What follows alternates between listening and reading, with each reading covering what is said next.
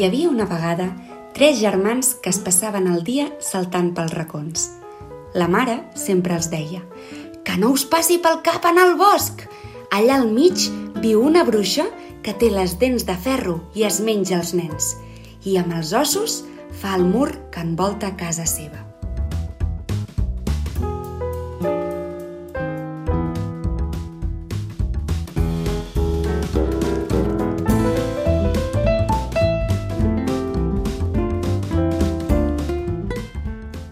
Sigueu benvingudes i benvinguts altra vegada a Tàndem. Comencem aquí un nou programa d'aquest podcast sobre literatura infantil i juvenil i mediació literària. Soc el Guillem, mestre, defensor de les biblioteques escolars i hobbit en potència. I m'acompanya, com sempre i avui, sol i sola, la Marina, editora, lectora empadreïda i motivada de la vida. Què, Marina? Com ho tenim, això d'estar sols avui? Molt bé, però això una mica solitari aquesta sala sense que convidar perquè avui tornem amb una de les nostres seccions habituals eh, que són les prestatgeries, que a més ho vam demanar i a la gent li agrada molt. Sí? Tenim molt donant la xapa una hora, cosa que no, No no entenem gaire, no, no, no, bé, però bé. mira, si vos agrada, nosaltres um, aquí seguim. De fet, l'any passat ja havíem de fer aquesta prestatgeria, cert, Guillem molt cert. Volíem fer por i misteri, però no ens vàrem atrevir, ara explicarem per què, i vam decidir fer-la d'autores lis que ens agradessin molt perquè per la... Bé, per tota aquesta campanya que es fa el mes d'octubre per xarxes de Leo Octobres Octubre, Mm. que el podeu recuperar, i aquest any ja no ens ha quedat més remei que fer aquesta prestatgeria de por i misteri. Sí, però sent com som, uh, hem jugat una mica. Hem, Sent com ets. Vale, sent com soc.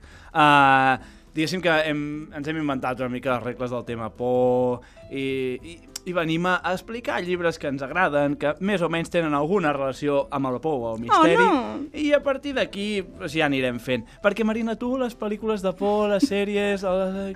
Què? Com ho portes, això? Res. Res. No, jo m'haig quedar...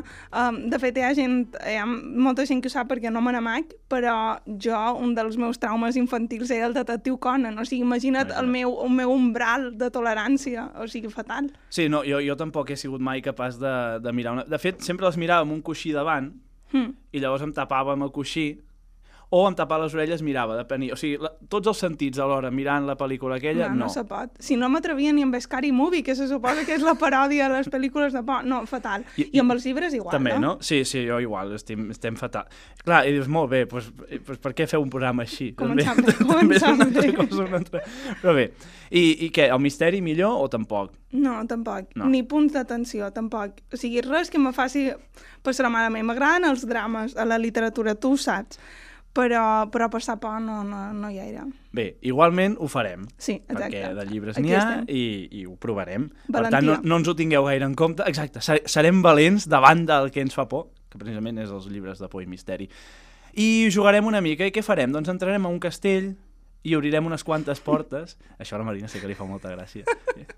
I, I cada porta que obrim, doncs sortiran alguns llibres i, i en parlarem una mica. Doncs sí, com deia, com deia la Tània Claravall, velocitat i autoestima sempre, així que endavant. Obrim la primera porta.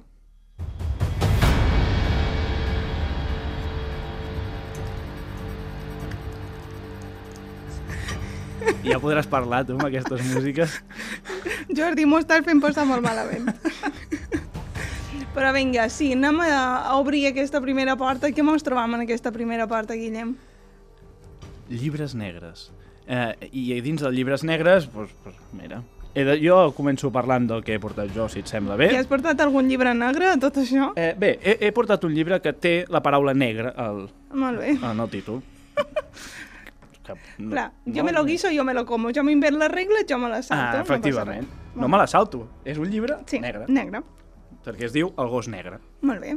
No, i de fet, de fet, he fet poca trampa perquè realment en aquest llibre sí que hi ha l'element de la por.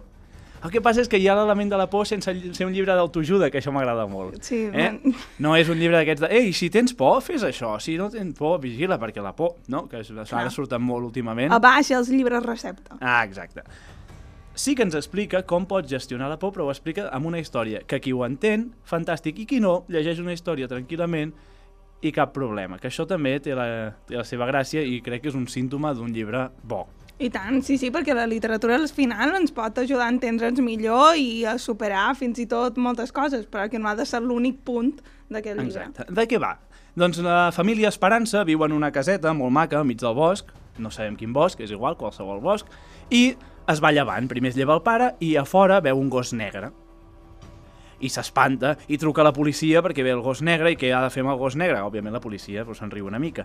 Què passa? Que quan la mare es lleva, aquell gos negre ja no és un gos normal, de tamany normal, sinó que ja és un gos que ocupa un pis de- d'alçada. Clar, la mare s'espanta i així va passant cada vegada que es lleva un membre de la família que aquell gos negre cada vegada és més gros fins que arriba un moment que és gegantí. Per sort, sempre hi ha la menuda de la família o el menut de la família. Que acostuma a ser una mica el més intel·ligent de tots plegats, no? que surt a fora de la casa per enfrontar-se a aquest gos negre. I no explicaré més perquè si no té perd la gràcia. Però és un llibre interessant en aquest aspecte perquè és d'aquest realisme màgic, no?, de la veritat, la realitat, que pot ser una casa d'una família, amb l'element màgic del gos negre, que és bastant mitològic també, també té... que ho embolcalla amb un humor divertit, perquè les reaccions de les famílies super exagerada, eh, no paren de comparar el gos amb coses, fins i tot s'inventen noms. I què vol dir això? No ho sé, ara no tenim temps perquè estem atacats per aquesta cosa, no? I llavors van fent això, les il·lustracions són molt, molt, molt interessants. Hi ha una part eh, sèpia que ens va indicant qui és el personatge que parla, ens va fent un recordatori de tot el que ha passat, que i després, a l'altra banda, sempre hi ha la il·lustració gran que ens indica com el moment més, més maco o més interessant d'aquell text i sempre és una estructura similar, és, sempre es lleva un, un membre de la família, sempre hi ha les eh, il·lustracions sèpies una banda, l'altra il·lustració, llavors això ajuda molt no? que l'infant pugui anar seguint la història senzillament i amb facilitat. No? Eh, I això, aquest punt de pots reconèixer que aquest gos negre és la por i que va creixent a mesura que no la van enfrontant i després, quan l'enfronten, doncs passa el que passa, però si no és un llibre que és maco i que ja serveix. Llavors aquest és el meu primer llibre, El gos negre, 9-8, Levi Pinfold, perdoneu per les pronúncies dels, dels Ah, autors sí, i les autores. sí, eh? Jo aquí ens intentaré fer-ho més d'un. sí, intentaré fer-ho el millor possible. Una, Clar, és que el Guillem ha fet els deures i, i no ho veus perquè és un podcast, però té aquí tots els llibres, Sí. ha duit tot, i sí. sí, sí, si sentiu coses serà perquè vaig movent coses. N'has duit un altre. Sí, aquest sí que és negre. Bueno, la coberta és negra. Sí. Tothom, tothom qui ho veu és n'és testimoni. Uh... Uh, carai, tu. es diu Policies i lladres. No és de por, és de misteri, i tampoc és de misteri, de fet. L'única cosa és que eh, és un llibre que ens parla d'una família de lladres, d'un grup de lladres que vol robar els regals dels Reis d'Orient. D'acord. I, òbviament, els policies intenten Home, que no que- passi. Té la gràcia que és un llibre rimat. És un clàssic que han recuperat. Per exemple, eh, jo ara faig aquí molt ràpid, però ho llegeixo, et sembla bé? Sí, que i faci tant. un... Sí? Segur, eh? Segur, si no, segur. Val. Diu... El pitjor de tots els lladres és el temible Dan el roba quadres. Té la veu enrogallada i és el cervell de l'emboscada. Els col·legues de la banda són Jack el cautelós i en Billy el sac, el calamitós. En cama de fusta Horaci, en dits llargs Maurici i la malvada àvia feroç. Alerta, alerta, policies i lladres. Alerta a tots. Bueno, i de fet diuen però pitjor encara ha d'arribar perquè els lladres tenen un pla, una estafa de rufià per fer un cop la nit de Reis i endur-se les joguines com si no hi hagués lleis. Com, un rei, com uns reis malvats d'Orient robaran els regals de la bona gent. Que gran. M'ha Llavors- recordat molt a l'inici de Mata de Golla, no sé per què, no? Aquesta cosa grandiloquent. Sí, Que xulo. i bobis i coses d'aquestes que són, són realment interessants i també hi ha aquí el punt d'humor que també... És un tema recurrent, És això un de... tema recurrent, sí, de fet, de fet jo crec que és un com a denominador amb molts llibres que han duit. De fet, el meu llibre negre juga amb aquesta dualitat entre por i humor, que és el de Ser un fantasma és guai, de l'Antonio Ladrillo, Mhm. que és de Fulgencio Pimentel e Hijos, que precisament és un, és un llibre negre, la coberta és negra i només ens apareix aquest fantasma, que és un fantasma molt simpàtic, en realitat. Hm.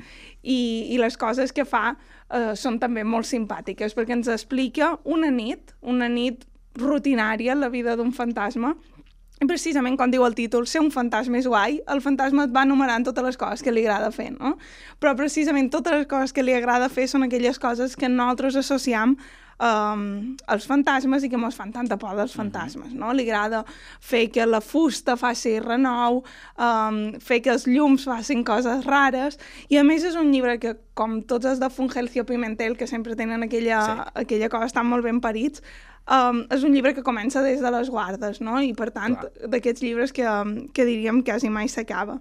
I després, si xerram de llibres negres, he pensat, no m'estendré molt perquè crec que ja em vaig xerrar en una prestatgeria, que és el de Thornhill de la Pam Smith, que és aquella mig novel·la gràfica, uh, mig novel·la escrita, que precisament per separar les dues temporalitats i els dos registres narratius, perquè no l'hagi llegit, hi ha una temporalitat que s'expressa amb el llenguatge de la novel·la gràfica, hi ha una part, una temporalitat que s'expressa en novel·la escrita, i per separar-les hi ha dues pàgines en negre que fins i tot és com un obrir i tancar d'ulls, no? Uh -huh. Te van preparant per... Estàs creuant l'umbral del temps i, i, del, i del gènere. I crec que és un recurs molt, molt interessant i m'ha fet pensar quan, quan hi havia aquesta premissa del llibre negre.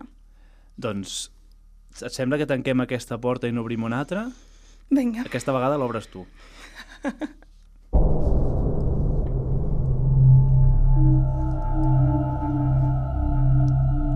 Ai, Déu meu, Guillem. és vera, això te posa molt, te posa molt en, en situació. Um, darrere aquesta porta se suposava que ens havien de trobar llibres de misteri, no? Mm. Però per tots el misteri és una cosa fins sí. i tot molt subjectiva, la por també ho és. Sí, de fet això, quan vam començar a preparar el programa, jo pensava, val, i què es considera llibre de por, què es considera llibre de misteri, i la veritat és que jo no, no t'ho sé respondre. Tu potser ho saps més, que has estudiat aquestes coses una mica més, però és, és molt relatiu tot plegat, no? I tant. Sí, perquè també Uh, ja, ja que compartíem a l'inici si érem molt lectors de por del gènere de, de terror o no, clar, tots tenim l'umbral de tolerància d'aquestes coses sí, en cert. un punt o en un altre, no? Um, en el nostre cas, qualsevol cosa mos faria, mos faria posar els pèls de punta. Però um, en el cas d'un llibre de misteri, jo he dit un llibre de coneixements, però que en realitat se llegeix com si fos la millor de les novel·les, um, que és Robatoris de llegenda. Ai, sí, sí. Robatoris de llegenda de Soledad Romero i el Julio Antonio Blasco, de Zaori Books, que és la reina uh, editorial no? dels llibres de coneixements. I robatoris de llegenda, bàsicament, eh, com explica el títol, explica robatoris que van succeir en realitat, um, que per alguna cosa tenen trets molt, molt llaminers o són originals, no?, pel tipus de desenllaç que varen tenir. I una de les coses per mi més, um, més encert del llibre és la manera com estan maquetades, o com a mhm. mínim és el que ens crida més l'atenció. I és que cada robatori està maquetat com si fos una columna d'un diari. Però aquest diari està maquetat inspirant-se en els diaris del país i l'època en què va succeir el, el robatori. També fa que, d'alguna manera, la, la disposició en forma de premsa escrita quedi tot molt clar, quasi com si fos una infografia, no? Que tens mm -hmm. molt mhm. clar on t'explica el cas, on t'explica els fets objectius, on t'explica um, el desenvolupament, diríem, com la crònica del, del crim. Les il·lustracions també juguen molt amb el, amb el, amb estar fent una crònica dels fets verídica, però en realitat el que et deia, no? Te vas llegint allò i te vas empassant tots aquests robatoris que jo no, no en coneixia més que un, i, i clar, i te'ls em passa amb aquesta... amb, amb, amb la mateixa tensió no? que les millors novel·les de misteri. No, I a més és una cosa que agrada, el fet de això, no? Sí. Si tu ara mires el que està passant, no? que si crims, que si la casa de paper, que si totes aquestes coses, no? Tot això de, de robatoris, de, de, de no sé com dir-ho, d'assassinats, no ho sé, però de, de, de coses negres, de, de, sí. de coses que ens agrada, no?, el marro, i ens agrada saber què va passar i com va passar i tot això, no? I llavors Clar, perquè una... ja és, és, és un escaló més, no? Ja no estem xerrant de novel·la policiaca o de novel·la de terror, sinó que, per exemple, hi ha hagut un auge del true crime, que mm, precisament exacte. és això, no? Que tenir la certesa de que a sobre que hi ha sang, la sang se va vessar de veres. No? I a més a més sé com va acabar, que això sempre és com, oi, Sí. que bé. Ara, ara, van enganxar o no a qui ho va fer, o va passar això o va passar allò. És, és interessantíssim. Realment és un molt bon llibre aquest. Jo bo. agradar molt, molt, molt. Una proposta superinteressant. I tu quin llibre de misteri ens has portat? De fet, eh, no és un llibre de, de robatoris, però també és un llibre de casos. Um, en el meu cas, parlo de, es diu així, casos cèlebres del detectiu John Chatterton, Ah, gran, gran. mm, del Ivan Pumo. T'ha agradat, eh? Clar, és que te n'has de triar com jo, Soledad Romero, Julio Antonio Blasco i no... No? I quan, si, si es publiqués més en català i de gent aquí... um, bé, uh, ens trobem davant d'un gat humanitzat, que és un detectiu. Uh -huh. Un detectiu que té totes les coses de detectiu. Una oficina, una gabardina, un barret, no? tot el que ja associem a detectiu, fins i tot té una lupa. Llegeix el diari, aquestes clar, coses. No? enterat, s'ha I en aquest llibre el que t'expliquen són tres dels seus casos. Quina gràcia té aquest llibre? Doncs que agafa els contes populars i els converteix en casos de misteri o casos d'això, de, de robatoris, de segrestos, d'assassinats, de coses així. Per exemple, aquests, en aquest 3 apareix la caputxeta vermella, Uh -huh. que ha desaparegut. Apareix la Blancaneus, que a la madrastra li demana al detectiu que la trobi perquè s'ha escapat. No li diu que després darrere del gat ve un goril·la amb un ganivet a punt de matar la Blancaneus quan la trobi. Mare de Déu. O eh, ens trobem amb la vella dorment, que té una profecia que tocarà una cosa i s'adormirà, i li demanen al, en el Chatterton que, si us plau, que ho eviti. Uh, està feta amb molta gràcia, aquesta relectura de les, dels, dels contes populars, i a més a més és molt cinematogràfic. Té unes il·lustracions, té poc text i les il·lustracions són molt... que podries tenir només les il·lustracions i imaginar-te com els personatges es van movent, com fan, no? és, és molt, molt, molt, molt... Uh, això, molt ben pensat, molt ben fet i um, jo diria que qui ho va fer, el, el Pulmó aquest, tenia a la seva retina moltes pel·lícules de crims, moltes pel·lícules policíaques i de, i de detectius a la retina perquè realment uh, ho va fer molt i molt bé. I pot agradar moltíssim. I de fet, no pot. Agrada moltíssim. Agrada eh, moltíssim. eh, ho puc dir amb, amb sabent-ho, diguéssim. Clar, tastat, tastat. Ah, exacte.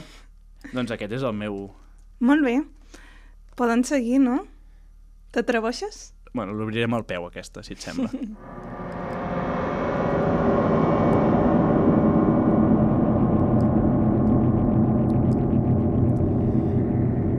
I jo aquesta l'obriré amb cautela, perquè, clar, eh, ara ens hauríem d'inspirar en personatges de por, Uh -huh.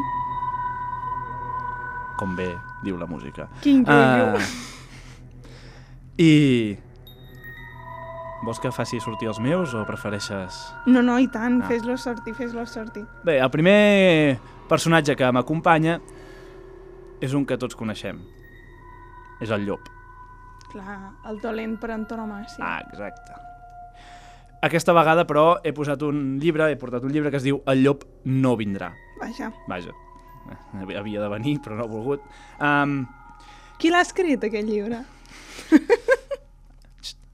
Míriam Uyesat. Uau.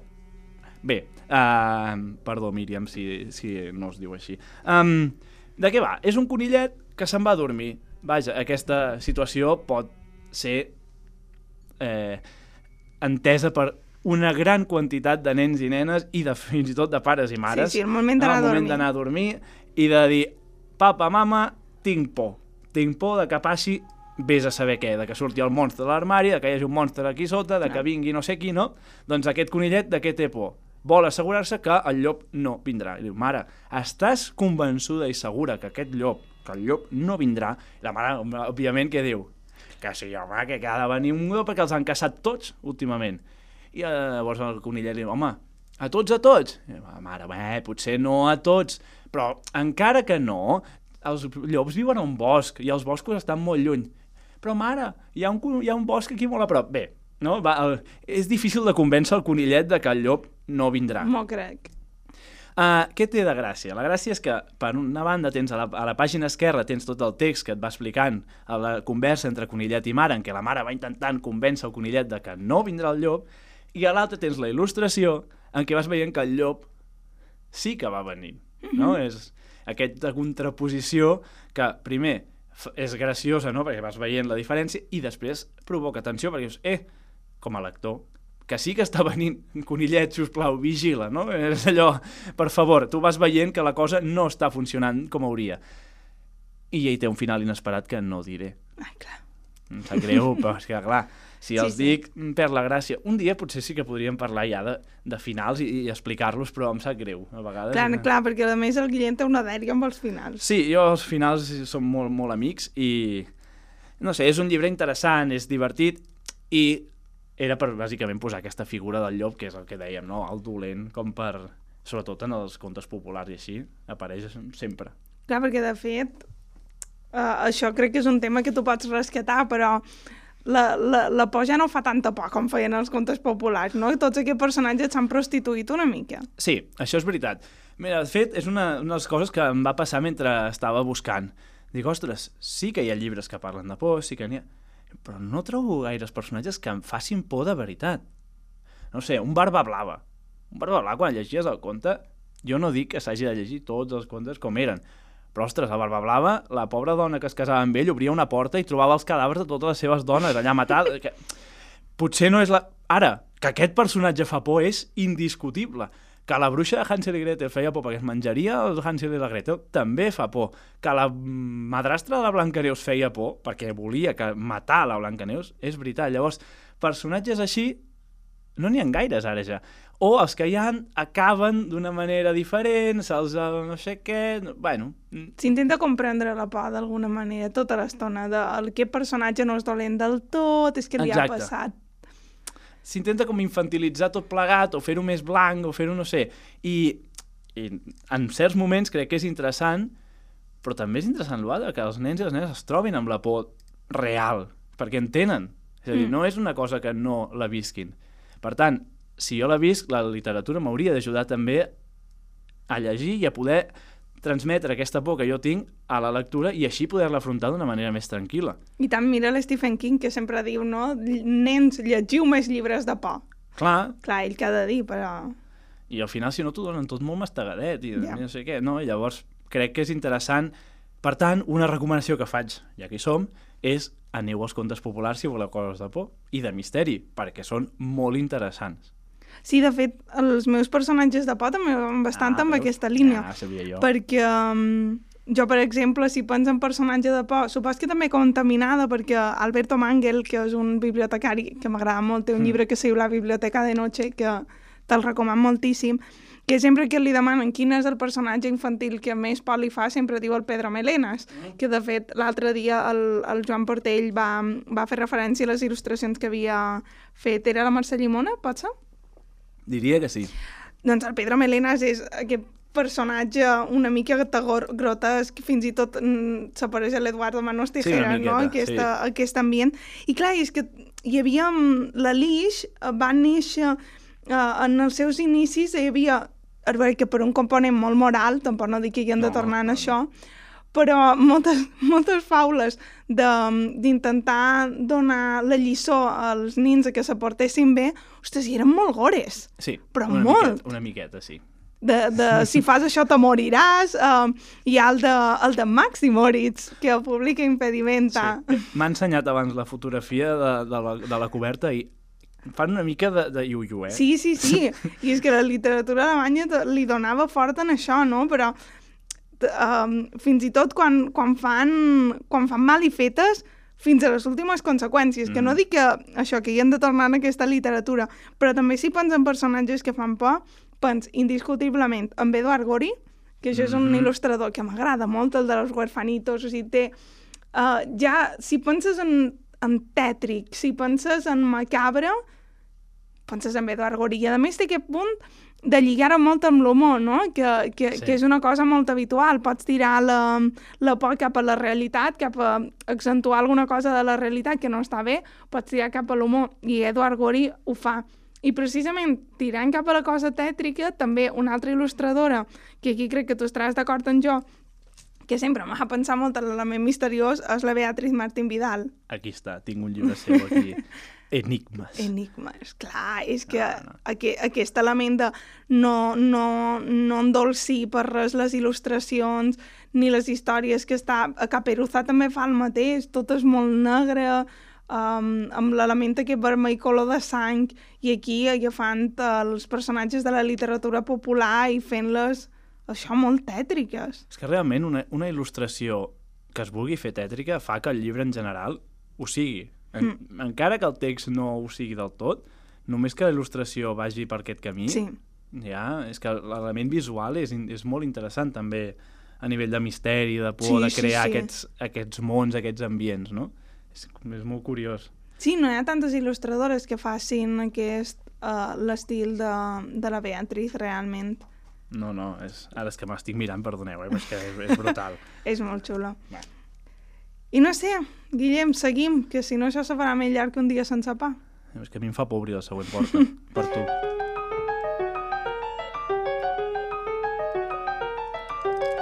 Aquesta cançó va perfecta pel que ens han trobat a darrere aquesta porta, que són llibres que provoquen tensió. Mm. Jo aquí ja he d'anunciar que si no m'agrada la por, la tensió diria fins i tot que encara menys. Això, aquells llibres, aquestes pel·lícules que me fan estar amb el cor en un puny tota l'estona, jo ja normalment les descart. Dono fe, dono fe. Però, si hagués de xerrar de llibres que provoquin tensió, sempre penso en l'element atmosfèric, no? De que mm -hmm. la tensió precisament se provoca amb ritme narratiu. I no m'estendré tampoc molt en aquest, perquè just la Mireia Manresa va dedicar gran part del seu programa, però és el de sempre hem viscut en el castell de la Shirley Jackson, que de Mhm. fet, mira, si som callada, que ella té la maledicció de Hill House, i clar, em van dir, fa més por que sempre hem viscut en el castell, i, I amb no. aquest ja no m'he atrevit. sempre hem viscut en el castell i ho vaig superar. I, I clar, jo sempre explic, no és que faci por per se, sinó que uh, aconsegueix crear aquesta tensió tètrica tota l'estona. Mhm. Perquè tens tots els elements, la casa allunyada del poble, el poble que s'inventa històries sobre aquesta família, una estirp familiar que ha mort en estranyes circumstàncies, una protagonista adolescent que és rara com a mínim, però és... Això aconsegueix crear tot un clima de tensió i de mal rotllito bastant evident. Però, mm, però per no repetir-me, sí que he pensat, per exemple, en, en el llibre de mm, L'Illa, de l'Armin Greder, ai, ai, ai. Que precisament és el que tu dius, que la, la història ja provoca tensió de per si, sobretot quan arribes al final i reflexiones del que xerràvem, no? que la por fa molta por quan ho vincules uh, amb la teva realitat, de dir això mm. Mm. podria estar passant a tu. Mhm. I realment el llibre de l'illa és super actual i precisament t'assusta aquest element de això podria estar passant a de a casa teva. Però a més, les il·lustracions, és Sí, que la manera sí, com sí, sí. dibuixa aquelles cares... Ui! No, i a més et, et posa tens només la reacció de la gent. És com, Sí, sí, sí, però, sí. però què fa? A vegades només, o sigui, fins i tot pensant, però què fan? Sí. Però com ho fan, això? No? Eh, eh, aqu- Aquesta doble idea de la tensió, no només de... Sinó, però, però, Totalment. que no ho pots arribar I que a entendre, mitjançant l'il·lustració el que aconsegueix fer és deshumanitzar totalment Sí, sí. La, el, els vilatans de l'illa i d'alguna manera ja estàs posant l'element de comportar-se així és de salvatges, no? Però passa, passa arreu. I jo crec que és un llibre que m'ha fet pensar en que provoqui tensió dins el tema que no llegeix llibres que provoquin tensió. Doncs mira, jo de llibres de, amb tensió n'he portat dos que de fet s'assemblen una mica. Per què? Perquè els dos tenen un element que et fa estar atents fins al final. És a Mhm. dir, el primer que et porto és un, un que jo diria que és dels meus preferits, que es diu La composició. D'Antonio Escármeta. Uh, està situat en una dictadura militar i és un nen que viu pues, tranquil·lament, com un nen que vol jugar a pilota, que vol jugar a futbol i que s'ho vol passar bé. Ara, això sí, als vespres els seus pares senten la ràdio perquè els seus pares estan en contra d'aquesta dictadura i, òbviament, estar en contra d'una dictadura no acaba de ser la millor No. idea quan vius a la dictadura, no? Um, I bé, no, no, no explico gaire, senzillament que a l'escola arriba un dia que ve un general i els hi demana que escriguin una composició, una redacció, uh, que es titula Què fa la meva família a la nit? Vaja, subtil, eh? I clar, sí, exacte. Però clar, són nens i nenes que, quan estàs llegint el llibre, veus que no estan entenent massa què està passant. I llavors, entre que notes que no s'entera gaire i que li demana això, dius, ai, ai, ai, què passarà? No, No t'ho penso dir, no, òbviament. no ja ho sé, home. Però no m'esperava aquest que element- precisament en aquest mos el destripessis. No, però és, és, jo crec que és un dels llibres que més ràpid he llegit per saber què passava. Eh, és meravellós. Les il·lustracions, a més, són realistes, que això també... Aquest punt de poder-ho traslladar a la teva realitat Sí. i no, no enfocar-ho tan lluny, sinó tenir-ho a propet, encara que no visquem en una dictadura militar, crec que també és un element que augmenta aquesta sensació de tensió, de... perquè empatitzes més amb el personatge, t'hi t'hi identifiques més i...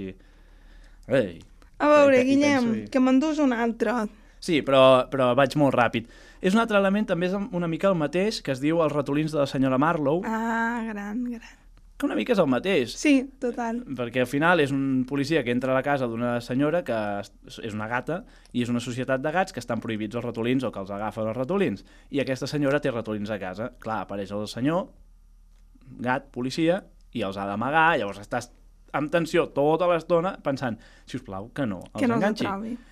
I més quan passa una altra cosa, i encara diu, mare meva, què està passant? Ja, tot això és, és curiós, però no ho puc dir, perquè és que justament si no perds la gràcia de l'atenció. Clar que no. Però bueno, és això, eh? són, són dues coses molt semblants però que provoquen molta tensió i que lle- llegir és molt, molt, molt xulo. A mi m'agrada. Ens a veure la propera porta. Ai.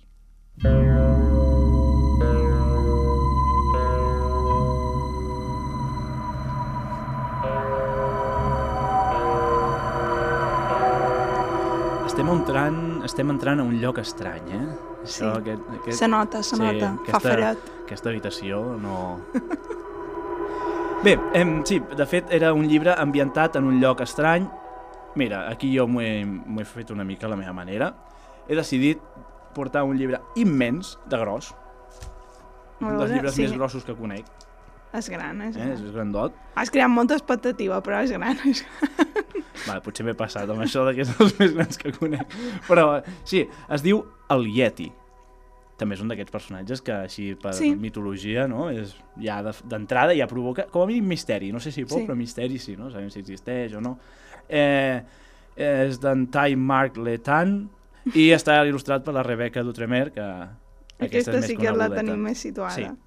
Uh, per què m'agrada aquest llibre? A banda que les il·lustracions són molt boniques i entres dins un món oníric, per això això relacionat amb el lloc estrany, no? és un món oníric, és una noia que no sap si el Yeti existeix o no, però hi pensa, hi pensa, hi pensa, i va a buscar-lo. Què passa? Que durant totes les il·lustracions vas veient que el Yeti està al seu costat, però ella no el veu.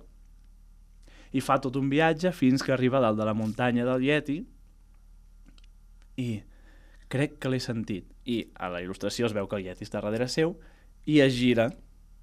L'última il·lustració del llibre és la noia girada Uh -huh. i s'acaba aquí el llibre. Els Ens has finals... explicat un final. Sí, però perquè és un final obert.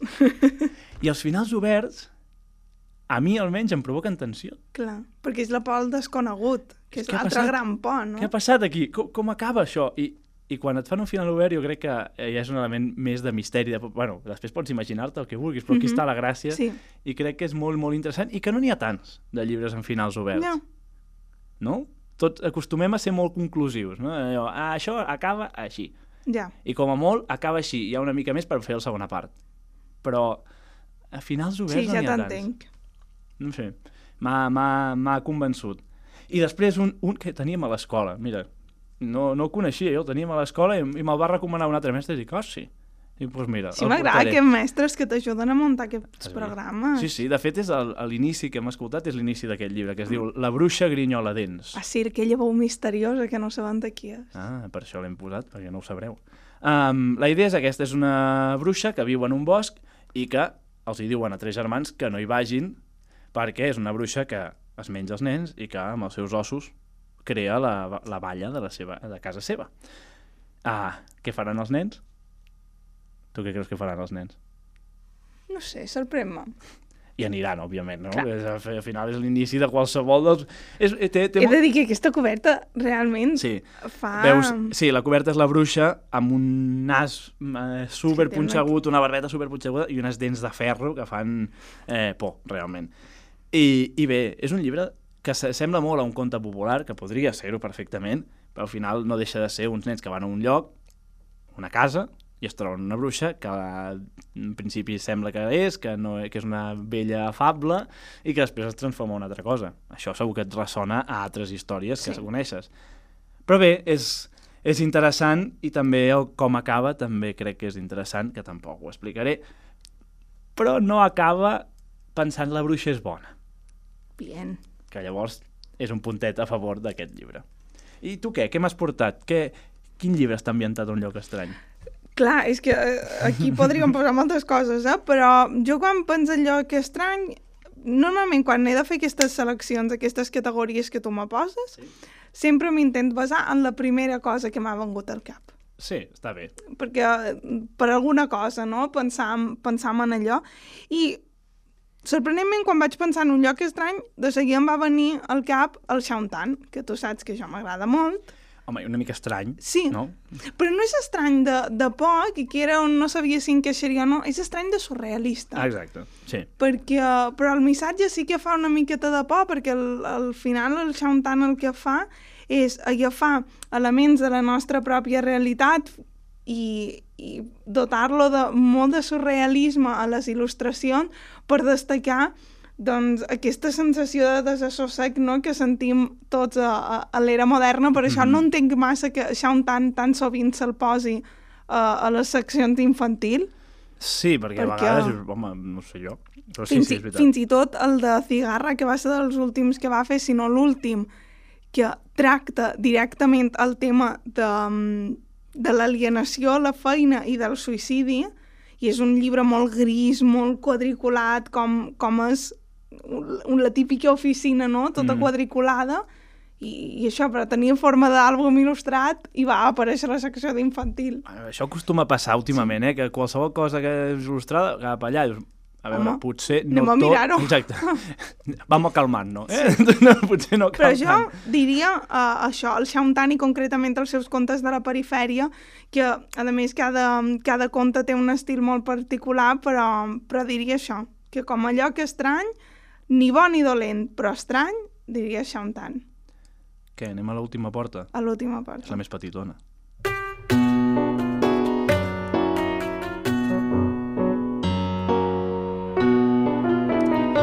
La més petitona, però la més atapeïda de llibres. Ah, sí, sí. Perquè aquí, a aquesta porta, havien de ser per llibres que no feien por i tots els de na Marina estan allà de dins. Som així de xurro. En un programa Misteri Pod hem posat una secció que es diu llibres que no fan por. Així que jo no puc triar perquè ja vos dic, qualsevol llibre que acostumo a llegir um, no fa por, però tu ja m'havies trobat una molt bona proposta, diria, no? Sí, perquè, com hem dit, hi ha molts llibres que agafen els personatges aquests de, de por, que ens podrien fer por, i els canvien o el, els hi fan una volta, no? I n'hi ha un que m'agrada especialment, que és el Gustavo... No es diu així, l'autor és el Gustavo Roldán, i n'ha fet dos, com a mínim, no sé si n'ha fet un altre, jo ara ho desconec, que es diu Com reconèixer un monstre i per amagar-se d'un monstre.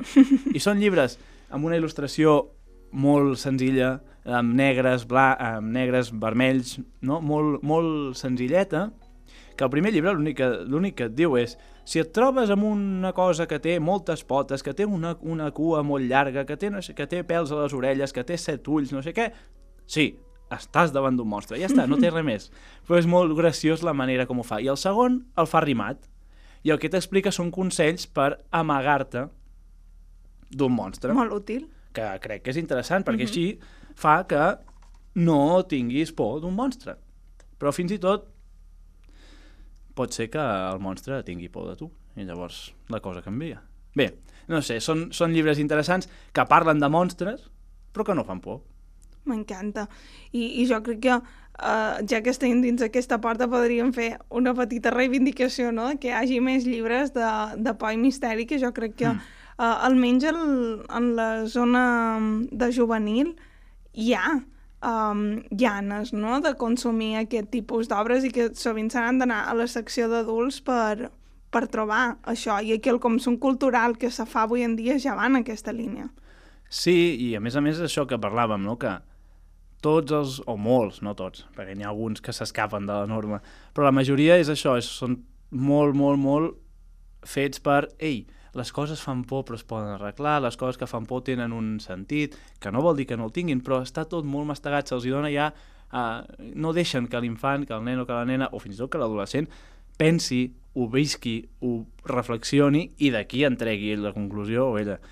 Sempre estem donant-los tot això mastegadet, no, tranquil, home, doncs no, doncs no, hi ha vegades que va bé, però de tant en tant, tu, que s'enfronti una mica amb, amb, el que, amb el que realment li fa por i que després ell ja tregui les seves pròpies conclusions, no creus?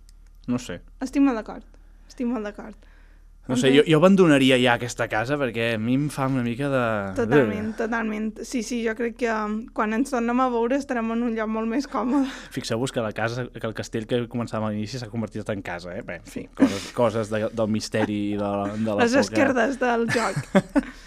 Perfecte, Guillem, moltes gràcies per tots aquests llibres. Esperem que us hagin agradat, que, que us els llegiu, que si us els llegiu ens ho digueu. I tant, no? I, sí, ens faria si molta il·lusió.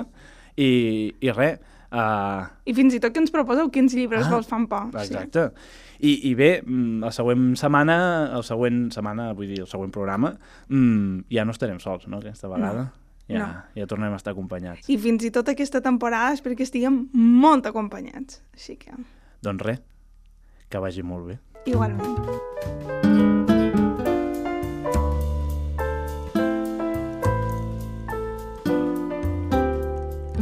Si aquest episodi t'ha deixat amb ganes de més, en trobaràs totes les notes a tandemlish.cat. També estem a les xarxes socials com Tandemlish i et pots subscriure al nostre bolletí mensual a la web per rebre més contingut. La producció, el guió i la idea d'aquest programa és de Guillem Fargas i Marina Llompart. El logo i la identitat gràfica és de la Maria Mora. La magnífica sintonia és de Carlos Arjona. El disseny gràfic és de la Cristina Rubió, que per cert era la veu misteriosa. El culpable que el so d'aquesta temporada sigui una fantasia és el nostre tècnic Jordi Bartomeus i la responsable que ha fet que puguem utilitzar les instal·lacions de BTV és la Núria Ferrer. I sobretot, gràcies a tu per la confiança. Gràcies per escoltar-nos i recomanar-nos. Així ens feu arribar una miqueta més lluny.